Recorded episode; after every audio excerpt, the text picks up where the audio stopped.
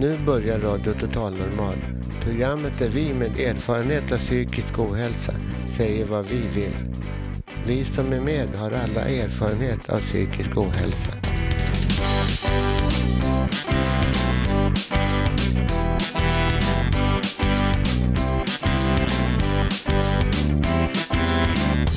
Du lyssnar på radio Total Normal. 101,1. Totalt normalt. Radio Total Normal, torsdagar från två till halv fyra. Vi livesänder med publik från Götgatan 38 i Stockholm. Kom hit och lyssna. Här är alla röster lika värda.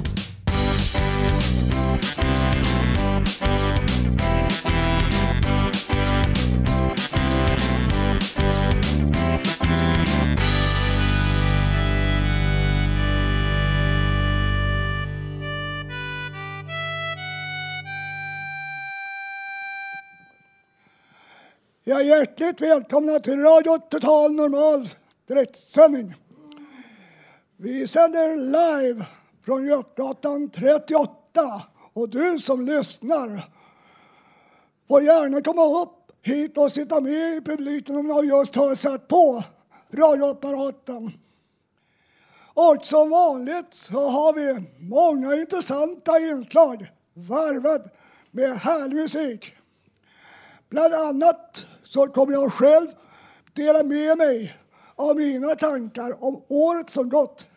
Vi får också höra dikter och livemusik. För vi har en eh, gästgrupp i radion som kommer lite senare i vårt program.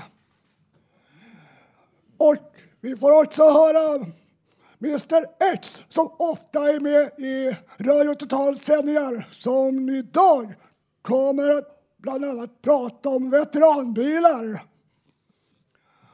Och jag som är dagens programledare heter Håkan Eriksson. Nu kör vi igång!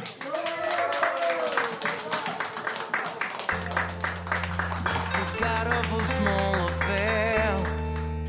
to the girl with the mousy hair.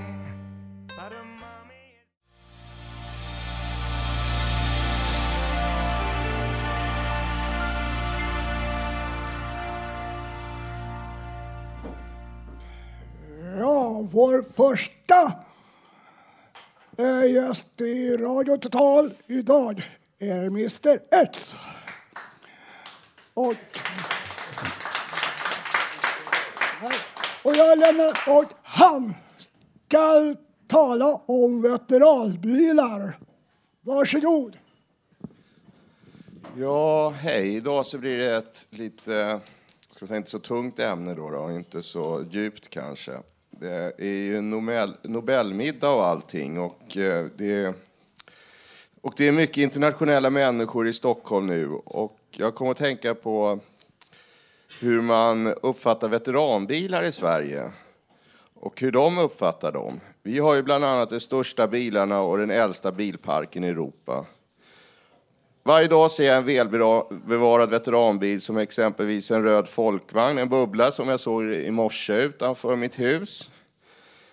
Vi kallar en bil för veteranbil när den är skattebefriad, brukar vi göra, och det vill säga att den är äldre än 30 år. Jag är emot eh, skrotningspremier för välbevarade äldre bilar. Jag tror att det är många funktionshindrade som har gamla bilar, eller tror jag vet det. Det behöver ju inte skattas för och är billigt att ha. Bland annat kände jag en man som hade en gammal husbil från 60-talet som han inte behövde skatta för, körde i många, många år. De som har gamla bilar vet, eh, över 20 år behöver som sagt var inte skattas och börjar då också att stiga i värde rent penningmässigt. Man kan tjäna en hacka på att ha en gammal bil. Det här, bilarna kan, det här gäller ju gamla Mercedes, Volvo, Jaguar, Saab, Rolls-Royce och andra historiska bilar. Jag tänker också på det som kallas raggare och åker gamla amerikanska bilar. Detta kanske kan bero på att de har mer eller mindre kontakt med släktingar i Förenta Staterna. De stöder landets kultur och politik. Det är modeintresserade, historiskt intresserade. På Kuba har man gamla amerikanska bilar främst från 50-talet av ett annat skäl. Det beror på att de eh, står under blockad från USA sedan 1959 och har inte kunnat importera några nya bilar sedan dess. Så att det är en helt annan situation. Jag vet inte hur man ser på det här i Sverige, men många amerikaner måste ju bli förvånade när de ser lika gamla bilar som Kuba här i Sverige. Men nu tänker jag eh, avsluta det här med att vi ska spela en liten raggarinspirerad låt.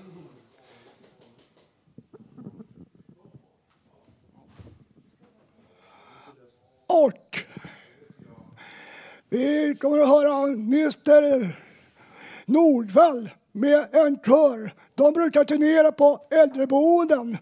Och låten de ska framföra heter Ta mig hem.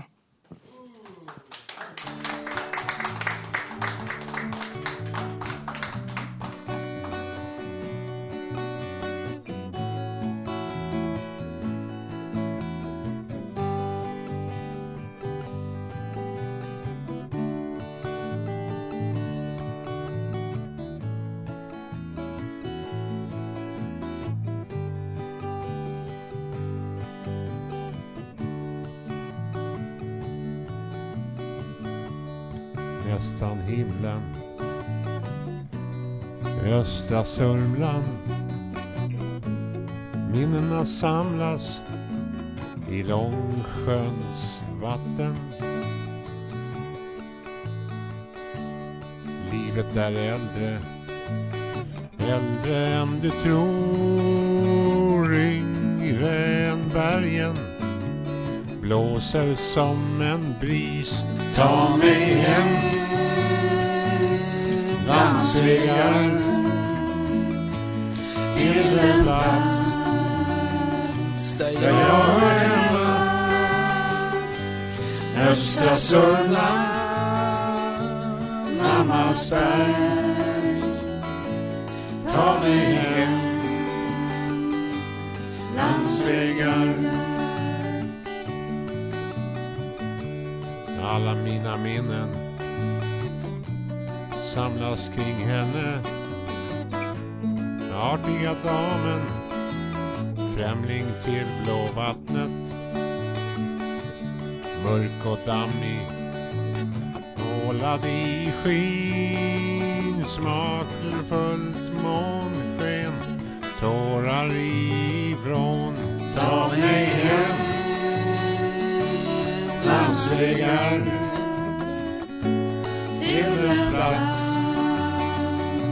där jag hör hemma. Östra Sörmland, mammas berg. Ta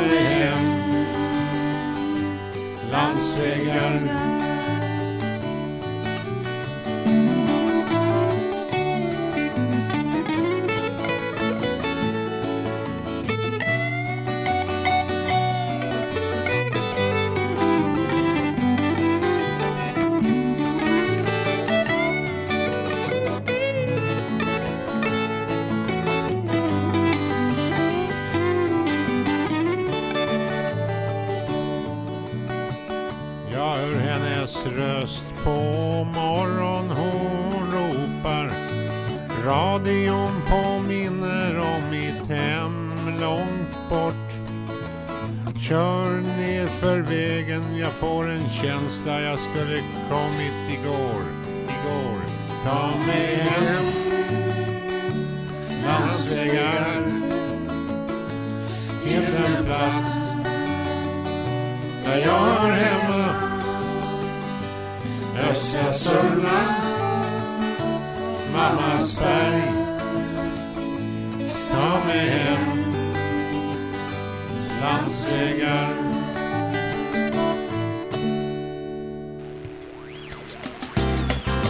Radio Total Normal. Osensurerad, direktsänd radioshow av psykiskt starka och sköra människor. Våra röster är också viktiga.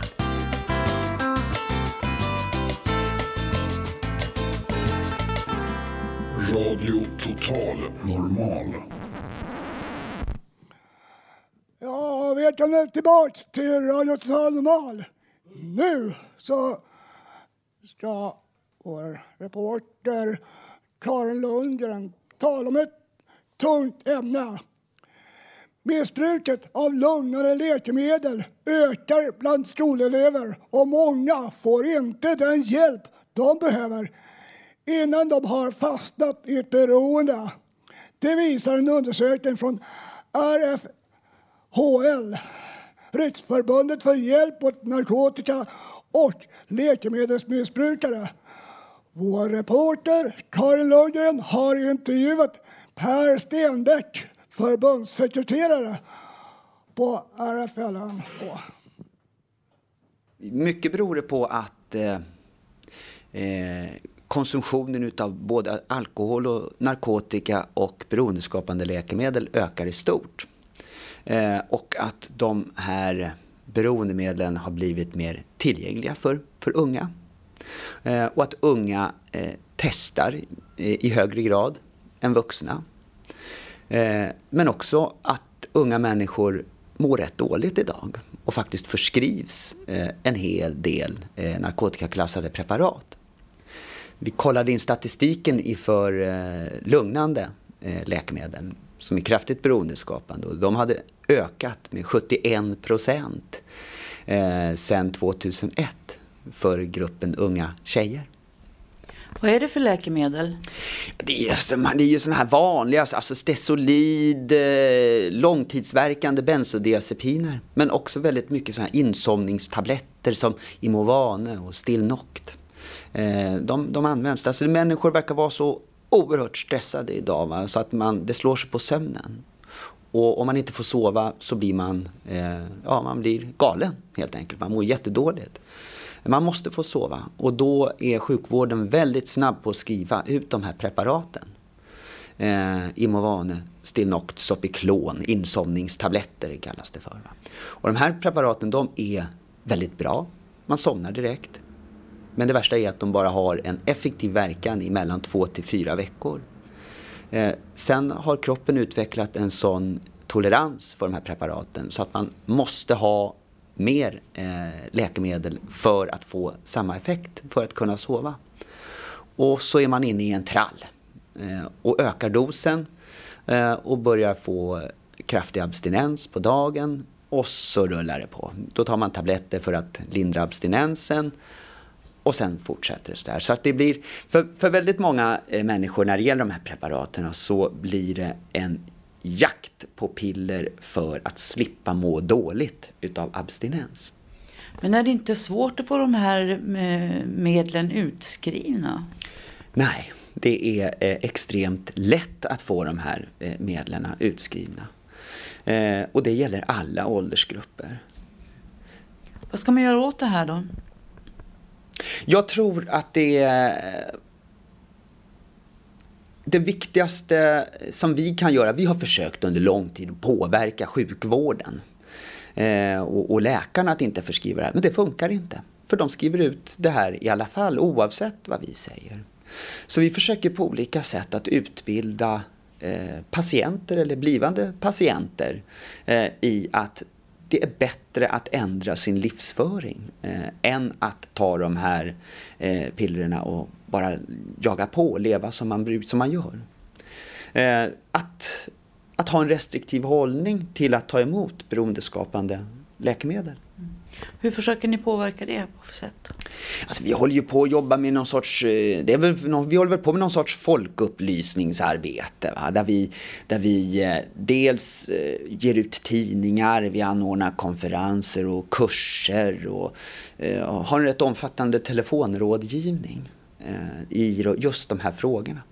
Just när det gäller beroendeskapande läkemedel så ser abstinensen ut så att man eh, får en kraftig ångest, man får eh, en kraftig depression, man kan få ont i kroppen, man kan, man kan tro att man håller på att bli eh, Alltså man kan tro att man håller på att hamna i en djup psykisk sjukdom utav något slag. Va? Många, tror, många ringer hit och är jätteoroliga eh, över att de, de håller på att bli galna. Eh, och, så, och så berättar vi att nej, så här ser abstinensen ut, så här brukar det gå, så här kan man trappa ur och så. Eh, och eh, då brukar folk bli lugnare. Men skolelever kan vara ganska svåra att nå fram till med information. Ja, eh, det är det ju. Eh, vi är rätt dåliga på att nå skolelever också. Därför att vi är inte så ofta ute i skolor och berättar om det här. Eh, därför att eh, vi är väl lite så här tveksamma om det har någon effekt. Eh, det finns Människor använder de här preparaten, läkemedlen, för att de är bra, för att de fungerar. Och väldigt ofta så hinner man liksom, man ser inte, eh, man ser inte de negativa sidorna utav eh, att ta de här läkemedlen förrän efter ett antal år. Eh, och då först skulle jag vilja säga att man är mottagen. Annars blir folk mest irriterade över att vi vill ta medicinen ifrån dem.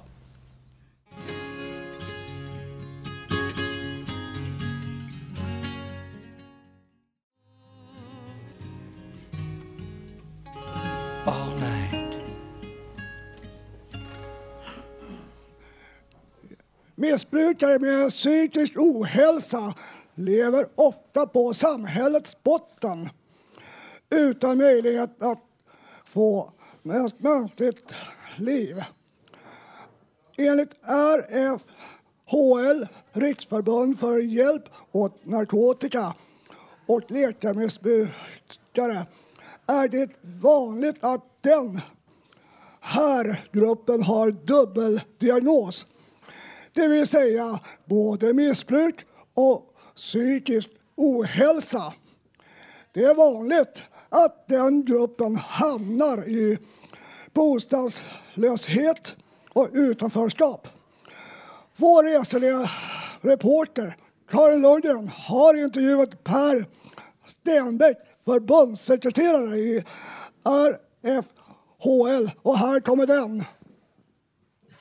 Om vi ska prata lite grann om eh, eh, missbrukare. Är det psykiskt sjuka som missbrukar eller är det missbrukare som blir psykiskt sjuka? Ja, jag tror att det är det förstnämnda eh, är, är nog det vanligaste. Att man brukar prata om att det finns en självmedicinering.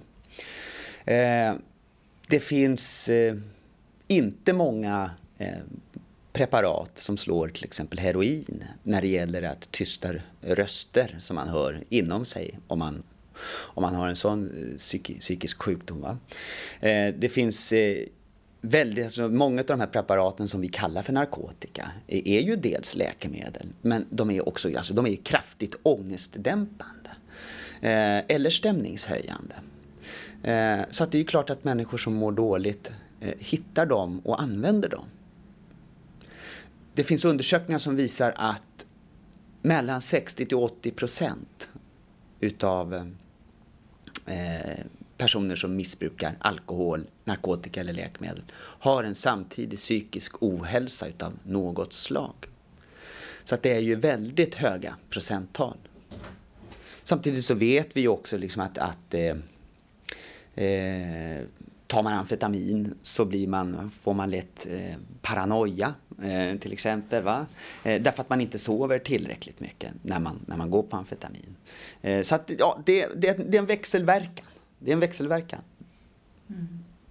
Men amfetamin till exempel, det användes ju i början på 60-talet som antidepressiv medicin. Ja, alltså just när det gäller eh, amfetamin så har ju det använts både som uppiggande medel eh, och som antidepressivt. Eh, och det var ju en kort period efter andra världskriget när den svenska militären hade köpt upp mycket stora lager av amfetamin som man hade tänkt att man skulle ge till sina soldater.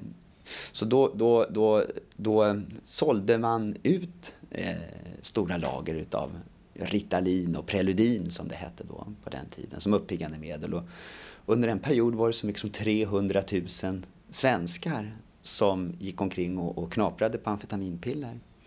Så att eh, amfetamin har ju varit ett läkemedel eh, som blev en drog och som har blivit ett läkemedel nu igen. För nu ger man ju jättemycket Ritalin och Concerta till personer som har ADHD. Mm. Är det läkemedel då eller är det knark? Det är ju läkemedel. Det är ju läkemedel. Man använder det som läkemedel. Skillnaden mellan knark och läkemedel, det handlar ju inte om någonting annat än om juridik. Så att om du har, eh, om du har Ritalina-piller eh, med recept så är det läkemedel. Om du har Ritalina-piller, samma sorts Ritalina-piller utan recept så är det knark. Så ser det ut. Hur är det med den här gruppen människor, den här gruppen missbrukare? Hur, hur har de det? Jag skulle vilja säga att gruppen missbrukare är eh, ja, en av samhällets förtryckta grupper. Eh, det är kriminellt att knarka. Det är kriminellt att vara eh, beroende av narkotika. Samtidigt så är, pratar man ju jättemycket om beroendesjukdomar. Eh, så att det är kriminellt att ha den här beroendesjukdomen narkomani. Och det gör att många som har fastnat i ett narkotikaberoende eh, inte får den hjälp och den vård och den omsorg de skulle behöva för att ta sig ur. Istället så jagas de av polisen, sätts i fängelse eh, och får inte någon liksom, adekvat hjälp att bryta sitt beroende. Så att, eh, och samtidigt är det en väldigt, det är en väldigt fattig grupp, det är en väldigt sjuk grupp. Det finns en jättestor överdödlighet bland den här gruppen. Så att man lever mycket, mycket, mycket eh, kortare tid än vad ska säga, en icke-beroende, en icke-narkoman gör. Eh, och det här eh, väljer samhället i jävla stor utsträckning att bortse ifrån. Utan man tycker att det är mycket viktigare att sträva efter det narkotikafria samhället som ju är den, ja, den politiska paroll som styr politiken på det här området. Och det gör att människor blir hemlösa, det gör att människor dör, det gör att människor hamnar långt, långt ut i ett utanförskap. Mycket längre än vad de skulle behöva. Eh, om man hade en lite mer rationell inställning till det här med narkotika. Hur ska man kunna hjälpa den här gruppen då? Vi stöter ju dagligen i vår verksamhet på människor eh, som har som vill göra någonting åt sin problematik, som vill göra någonting åt sitt beroende, som vill ta sig till behandling. Eh, men som utav olika anledningar nekas det eh, utav SOS. Eh, eller att man nekas att få den behandling eh, som funkar för just en själv. Utan man får en billig behandling eh, den billigaste. Som kanske inte funkar, som man kanske har prövat en fem, åtta gånger förut och misslyckats med. Och det här gör att människor stanna kvar i ett beroende och stanna kvar i ett utanförskap under lång, lång tid. Och under det här utanförskapet så hinner man eh, skaffa sig massa olika sjukdomar. Eh, dels psykiska sjukdomar, därför att det är ett jävligt hårt liv att eh, leva eh, i missbruk. Men också infektionssjukdomar som HIV och hepatit det är också jätte, väldigt, alltså hepatit är ju väldigt vanligt bland, bland narkomaner. Och det är en dödlig sjukdom, det glömmer man, det glömmer man väldigt ofta bort. Mm. Men den här gruppen de behöver ju både hjälp för sitt missbruk men också för sin mm. psykiska sjukdom eller skörhet. Mm. Och ofta har det ju varit så att när den här gruppen har mått psykiskt dåligt för det gör den här gruppen. Va? Att man, alltså, man mår precis lika psykiskt dåligt som ja, drogfria personer som mår psykiskt dåligt. Va? Men då har det varit hittills att när man sökt till psykakuten då säger de, jaså är du beroende? Ja men då får du gå till beroendevården. Och så går de till beroendevården och säger, ja men jag mår så här jäkla dåligt. Ja men mår du så dåligt, då får du gå till, psyk, till psykakuten.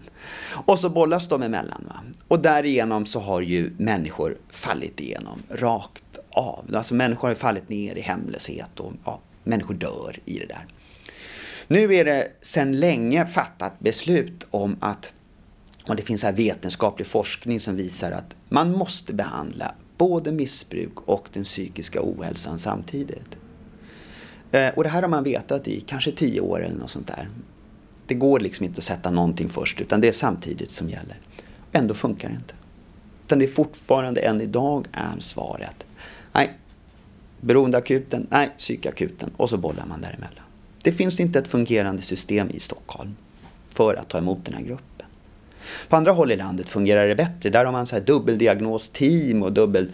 Alltså man har särskilda mottagningar för eh, dubbeldiagnoser som man kallar det. Samtidigt missbruk, samtidigt psykisk ohälsa. Men i Stockholm har man inte lyckats lösa det här på något bra sätt.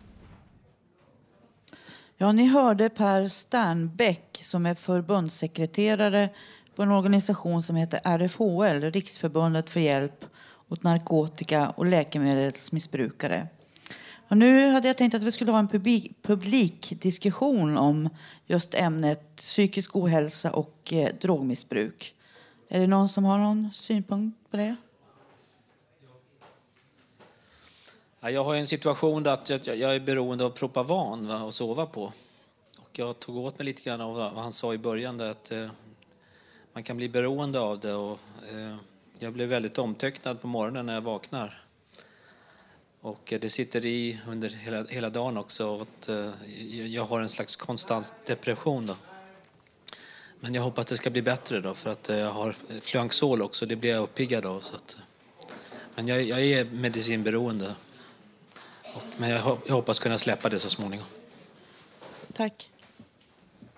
Eh, jag tänkte eh, fråga eller eh, komma med ett inslag. Jag läste kring det, just antidepressiv medicin. Det är, det, det är väldigt vanligt att det skrivs ut mycket, just antidepressiv. Det, är ju, det börjar med Cipramil, den eh, namnet. Sen har man fått billigare alternativ på just preparatet eh, serotonin. Men eh, jag läste någonting just de här eh, som har hänt i Finland till exempel. Eh, de här vansinnesdåden i skolor som var ett par år i rad tror jag. När unga män eh, liksom planerar att göra skolmassaker och sånt där. Då var det en forskning just kring eh, alla de här unga männen i USA också, den här Columbo High School, eller 99 var det. Alla de unga männen hade intagit antidepressiv medicin på något sätt. Och, eh, eh, de hade kontakt i psykiatrin också innan, men jag vet inte, vet du någonting om just antidepressiv medicin? Om det kan orsaka sådana här eh, konsekvenser och göra typ vansinnesdåd i Finland eller USA som har hänt? Jag vet inte riktigt om den kombinationen finns, men Allan Tupol som är forskare, han säger att eh, vi kommer att så småningom se konsekvenserna av de moderna läkemedlen som, vi, som skrivs ut nu. Och det här är kanske en av de konsekvenser som man kommer att fastställa så småningom. Är det någon annan?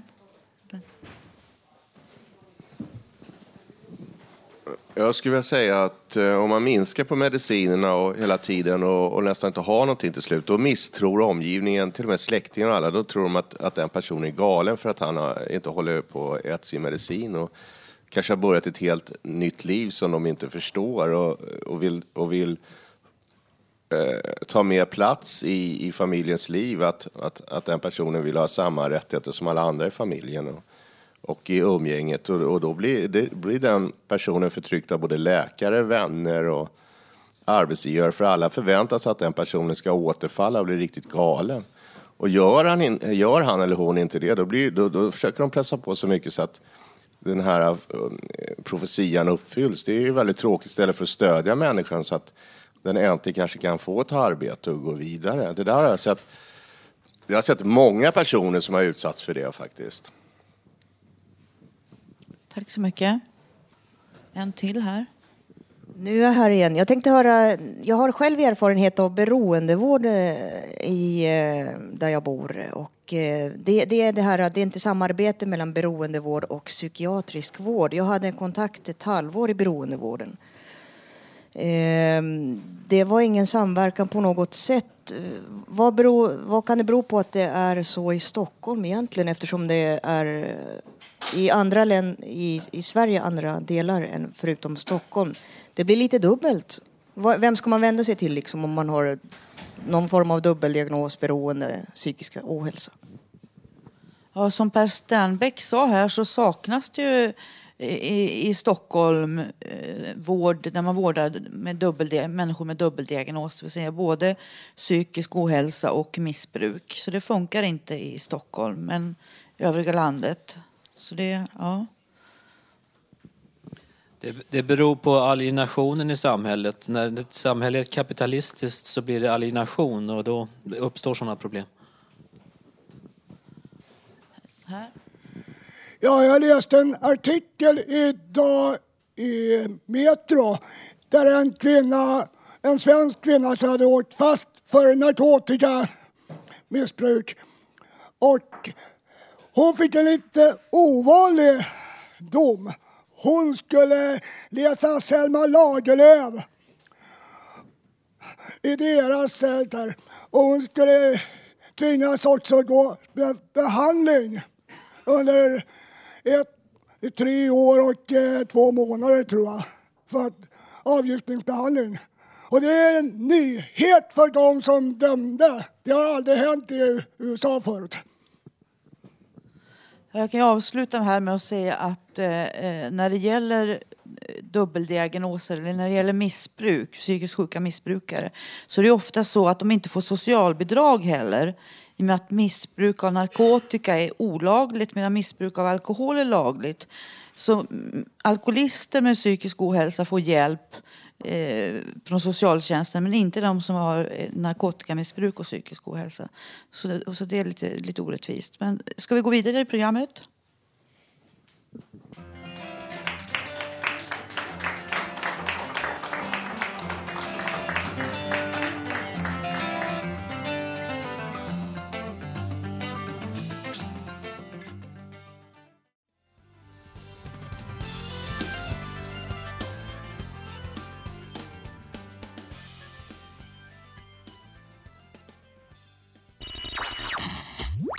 Radio Total Normal 101,1 torsdagar mellan 14 och 15.30. Radio Total Normal. Ja, nu i, när julen står för dörren så kommer vi få höra en underbar sång som alla kommer att känna igen. Och Hasse Kvinto kommer att framföra den på originalspråket. Varsågod. Så, okej. Okay. Sol mare lucia la stroda gento placida Londre prospero el vento venice agile barchetta mia Santa Lucia, Santa Lucia.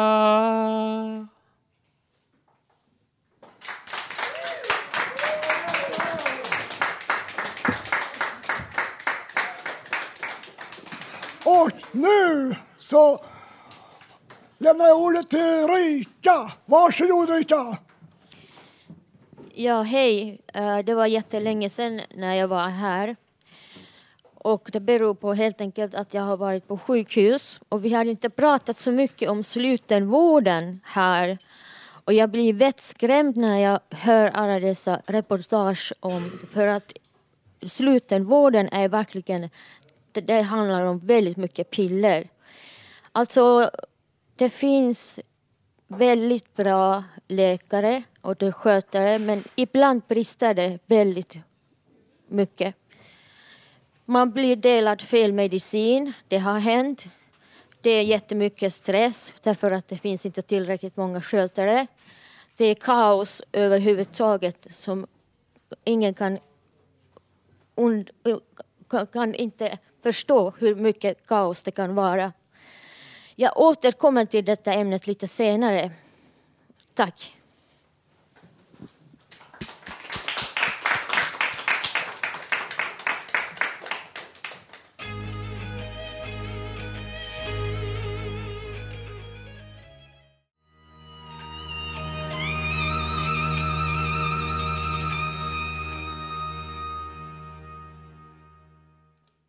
Ja, nu i Radio Total Normal så har vi fått besök utav en gästgrupp som eh, har det ovanliga namnet som ett klädesplagg som ni alla har haft. De består utav Terror Liz, Trompa, Trompax och trumpet. Micke Nordström. Marström. Och gruppen heter Overall. Overall. Jag lovar. Jag kommer från Norrland. Jag är inte så smart, men jag är snäll. Och jag lärde känna mig för två dagar sedan. Det är äkta kärlek. Efter första kvällen tillsammans delade vi tandborste. Och vi tänkte köra två låtar nu som vi har typ snott av några. Jag har gjort dem mycket, mycket bättre. Och den första låten, den handlar om den där skäggiga mannen. Han besudlade min mamma igår. Det handlar om vänsterprassel. Så nu kör vi!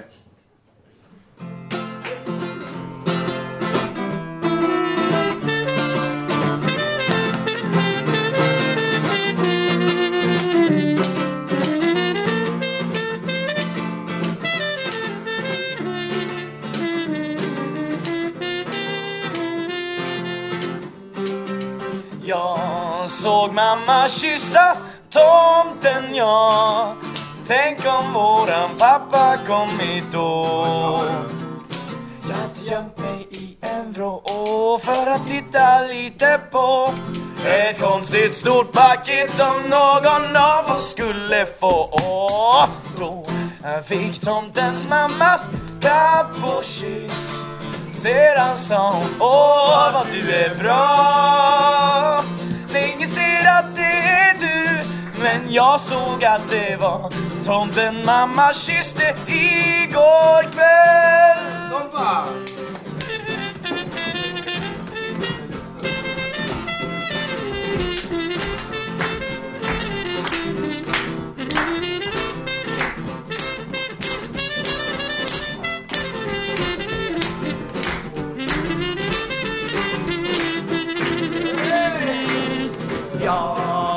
Får mamma kyssa tomten ja. Tänk om våran pappa kommit då. Gömt mig i en vrå för att titta lite på.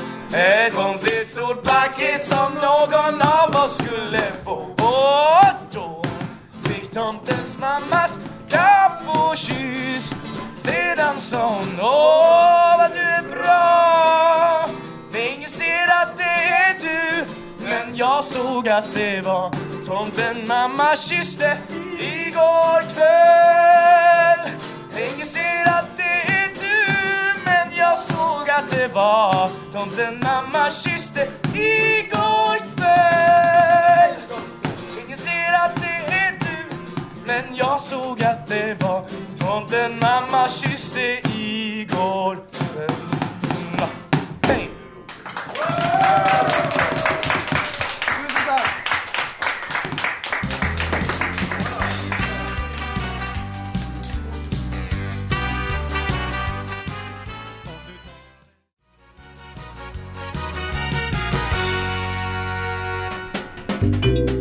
Poesi i Radio Total Normal. Ja, välkomna tillbaka till Radio Total Normal. Nu ska en av våra ständiga diktläsare här i radion läsa en dikt. Varsågod. Prisade man sommar.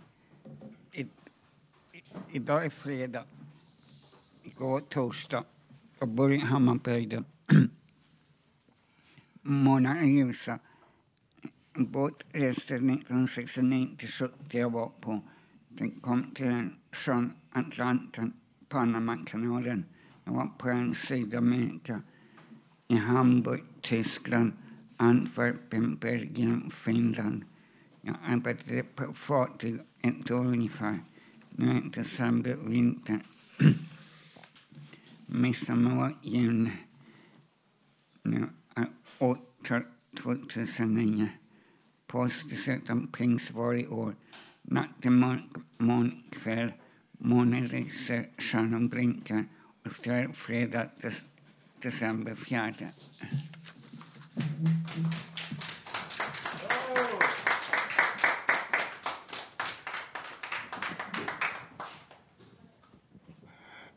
Ja, själv tänkte jag dela med mig mina tankar om året som har varit. Snart, när, man, när vi når årets slut så har jag funderat på vart det har tagit vägen. För jag har haft så många bollar i luften som inte nått sitt mål. Så jag har haft en dröm att tiden går sakta som ett godståg och inte rusar fram som ett expresståg. Jag har också haft tankar på hur jag bäst kan hjälpa de andra som har det svårt.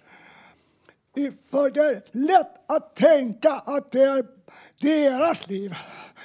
Jag har mitt eget liv. Vi får aldrig drömma, glömma bort att vi alla behöver vi goda vänner som bryr sig. Så jag slutar med orden ta hand om varandra.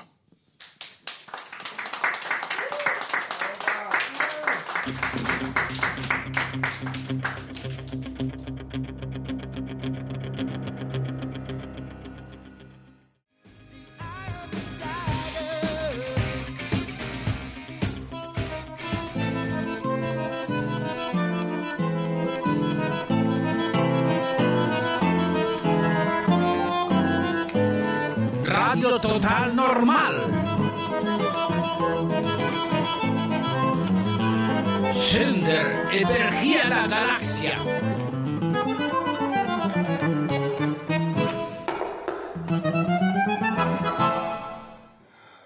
Ja, låten som vi nyss hörde var Eyes of the Tiger av gruppen Survivor.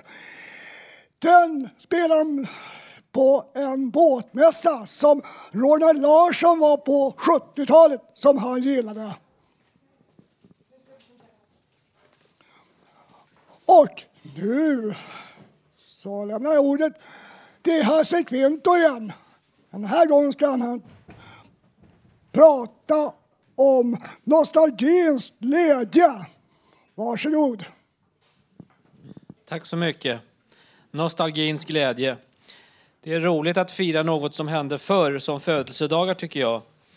Eller något jubileum där vi minns en rolig händelse som till exempel när popgruppen The Beatles slog igenom 1963.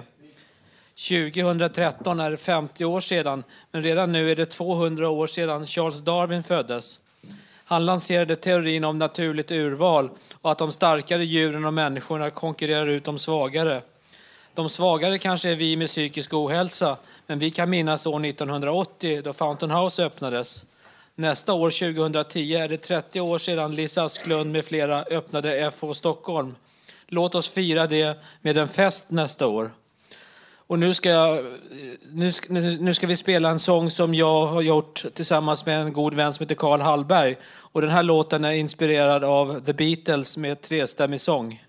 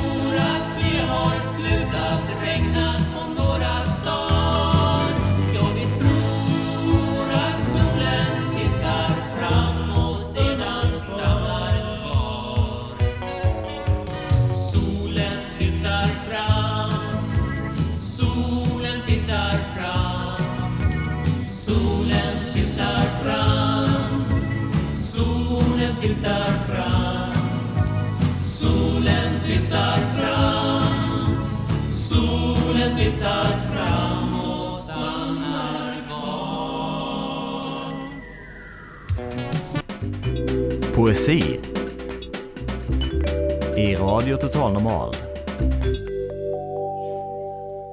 Ja, nu har jag Valo bredvid mig som ska läsa en dikt för oss. Varsågod. Tack Håkan. Jag var med om en trafikolycka i trafiken med tur i. Där jag kom undan med blotta förskräckelsen. Ja, jag hade verkligen tur i oturen när jag kom undan fysiskt den livsfarliga trauma trebils seriekrocken under arbetstid med rattfyllot som rammade mitt fordon där min arbetsplats förvandlades till skrot. Den traumahändelsen har påmint mig i samband med bilkörning hur bräckligt livet är. Att det kan ta slut om oturen är framme. Som den har gjort för så många under årens lopp där tusentals onödigt har dött. För det kör 525 stycken i varje timma drog och alkoholpåverkade i Sveriges avlånga land. Särskilt till storhelger och under årets övriga vardagar. Snälla, snälla, skärp er! Tänk på era medtrafikanter, medmänniskor, din egen familj innan du sätter dig bakom ratten drog och alkoholpåverkad. För det kostar mer än vad det smakar. Dels i psykiskt lidande för vi utsatta märkt, märkt för livet. Så tänk före efter. God, jag önskar dig i alla fall en god jul och gott nytt år. Och ha en bra dag. Tack för mig.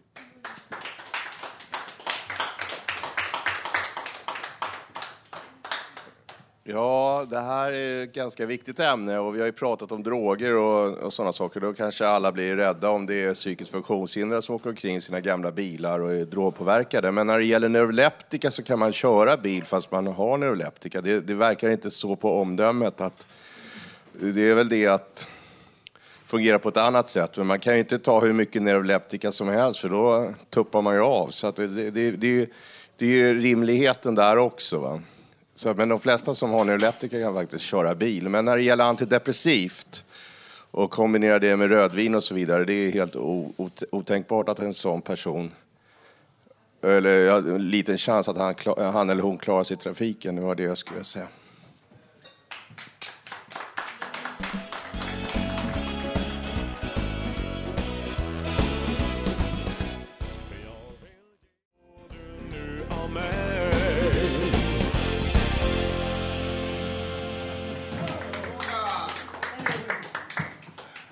Ja, då hälsar gruppen som heter Overall tillbaks med en låt.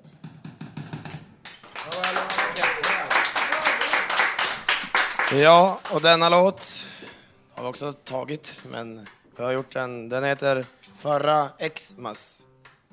Vi vill inte säga exakt vilken det är, det kommer ni höra snart. Och så vill jag bara tacka för den jättegoda fisksoppa som har kokat ihop. Ram, pam, pam, pam. Då kör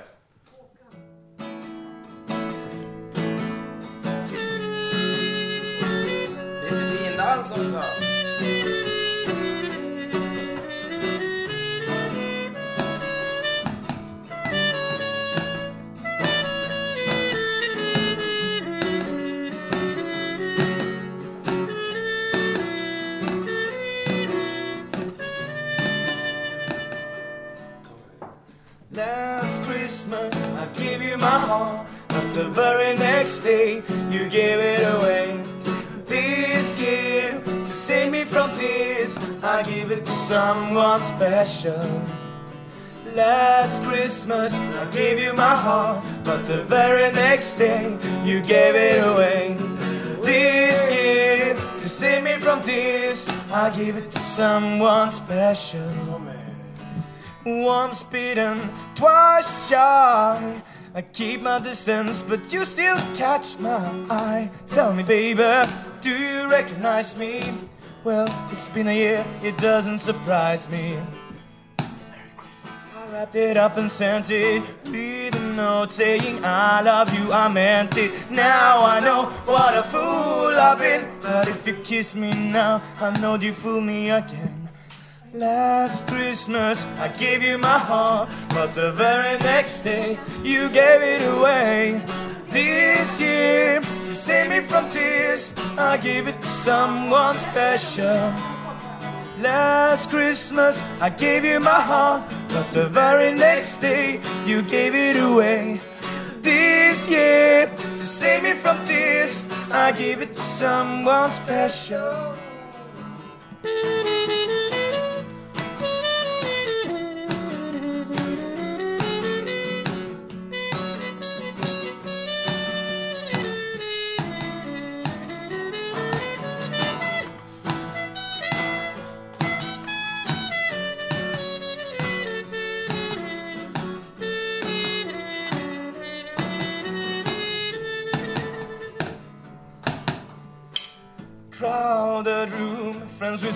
Eyes. I'm hiding from you and your soul of ice. My God, I thought you were someone to rely on. Me, I guess I was a shoulder to cry on. With a face down lover, with a fire in his heart. A man undercover, he tore me apart. Ooh, ooh, now I found a real love will never fool me again. Last Christmas, I gave you my heart, the very next day, you gave it away. This year, to save me from tears, I give it to someone special. Last Christmas, I gave you my heart. You gave it away. Oh, I give it to someone, someone special.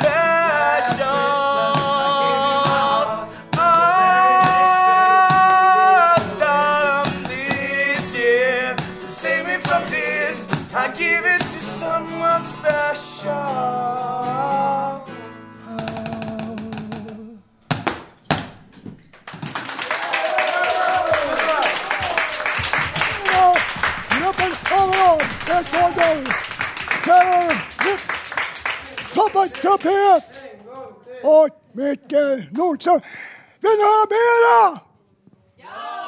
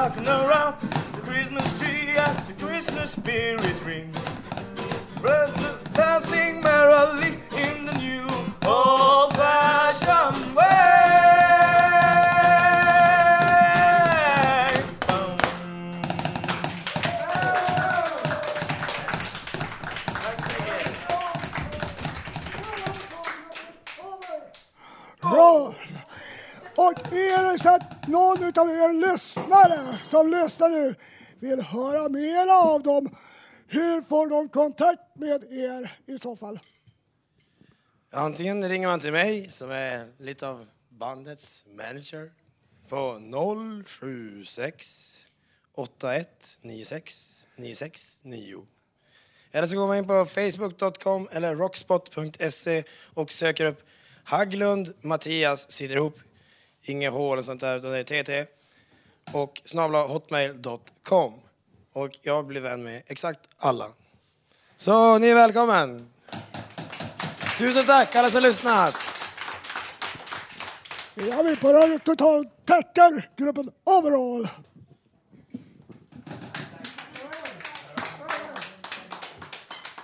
Det vet jag.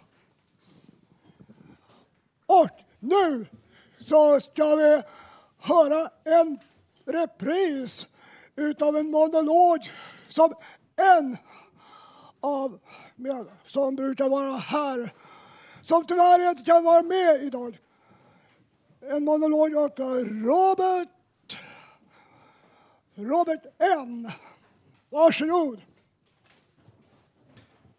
Jag minns dig, du Skåneland. Jag minns dig, du Skåneland. Idag är jag 50 år. Halvgammal kan man ju kalla sig. Men jag minns dig, du Skåneland. Det var 60-tal och det var till och med vänstertrafik. Jag minns vad vi gjorde dessa under, underbara somrar. Det hade väl knappt ens en tv. Men vad gjorde det? Vad vi gjorde istället? Vi var som grabbar är mest, men nog var det härligt. Men varför är det då som det är idag? Men här står jag. Jag minns mitt liv, de somrar som var så underbara. Jag minns Åhus stränder, jag minns en omtänksam familj, jag minns min farmor. Idag bor jag i stora stan Stockholm. Jag är en man som nog inte riktigt är som er, men kanske mer som er än ni tror. Men Skåne, det var underbart. Jag minns Gösta, jag minns Greta, jag minns Bo och jag minns Bengt. Här är mitt liv idag. Vad är det som ändå är att vilja vara accepterad? Men Åhus vatten var kallt. Det var östliga vindar, då var det lite mer varmt. Jag minns det i Skåneland. Ja, sannerligen, jag minns det i Skåneland. Vi fiskade, vi badade, vi spelade kort. Vad mitt liv hade varit idag utan er? Jag vet inte, men det är som det brukar. Jag är nog inte helt riktigt som er. Men ändå, får man vara svag? Svaret är lika självklart som allt annat. Man får vara svag. Men det är farligt, för man orkar inte lika mycket som andra. Det fattar inte folk. Men inte tror jag att mannen i gemen är en som alltid konsekvent säger du kan dra, för du är inte som mig. Men det är ju så. Man är som man är. Man gör som man gör så gott det går. Men att vara svag, det är ändå farligt. Vad kan man då annars säga? Jag vet inte vem jag är. Jag vet inte vilka ni är. Jag är rädd. Men det är som det är. Ändå är jag rädd. Varför ska en svag man då vara rädd? Jag vet inte. Men det är ju som det är. Jag vet inte vad mer jag kan säga. Men jag minns det i Skåneland. Jag minns människor. Jag minns en stad som var lite mindre. Jag minns många saker. Jag minns abborrar fiskade i en mycket smutsig Helgeå. Jag minns badhuset, jag minns tivoli. Jag minns mycket. Spåren som vi passerade när vi åkte med bussen till Åhus. Vad är det för liv, det jag har idag utan er? Det är inte mycket till liv, men än, men än lever jag en dag till och många dagar till. Någon gång kanske jag får sälja en tavla. Någon gång kanske jag kan få något litet erkännande att jag, Robert, är någonting. Vad är jag då? Ja, vad är jag då? Svaret är att jag är den jag är. Jag är den jag är. Men visst, det kan ändå bli bättre. Visst kan det ändå bli bättre. Men ändå sitter man här. Man mår bättre än man tror kanske. Man undrar ändå, varför gör jag så här? Vad gör jag här? Då tänker jag så gott det går. Jag minns dig, Skåneland. Jag minns dig så väl, du mitt välsignade Skåneland. Idag är jag 50 år, men jag minns dig, Skåneland. Jag minns Åhus stränder. Jag minns en omtänksam familj. Jag minns min farmor. Idag bor jag i stora stan Stockholm. Jag är en man som nog inte riktigt är som er. Men Skåne, det var underbart. Jag minns Gösta, jag minns Greta, jag minns Bo och jag minns Bengt. Jag minns att jag var stolt över mig själv, att jag tyckte att jag var bra. Jag minns dig så väl, du mitt välsignade Skåneland. Tack.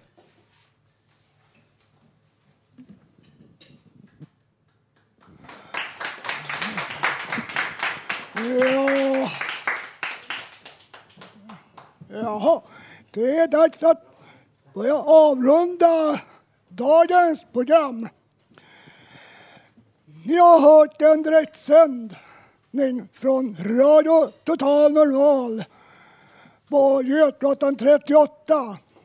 I dagens program har jag delat med mig många av mina tankar om året som har gått. Ni har också hört dikter och lärmusik. En underbar grupp som kallar sig Over. Overall. Vi har också haft lite luciasång på italienska. Eh, och dagens slutord blir alla behöver ha en vän, så ta väl vara på varann. Vi hör oss igen nästa torsdag, samma tid och samma kanal. Vi som har jobbat idag, er. Var, musiken var vald av Peter Thorén och Valo. Tekniker Gustav Sondén. Och vår förtjusande producent Hanna Samlin. Och vi har ju också en viktig som binder ihop hela, hela det här projektet med det här programmet. Det är vår projektledare Bodil Lundmark. Och jag som har varit dagens programvärd heter Håkan Eriksson. Tack för oss! Och jag vill passa på att hälsa till både vänner och kamrater som jag haft via radion att vi snart får se er igen. Vi saknar er. Tack för oss!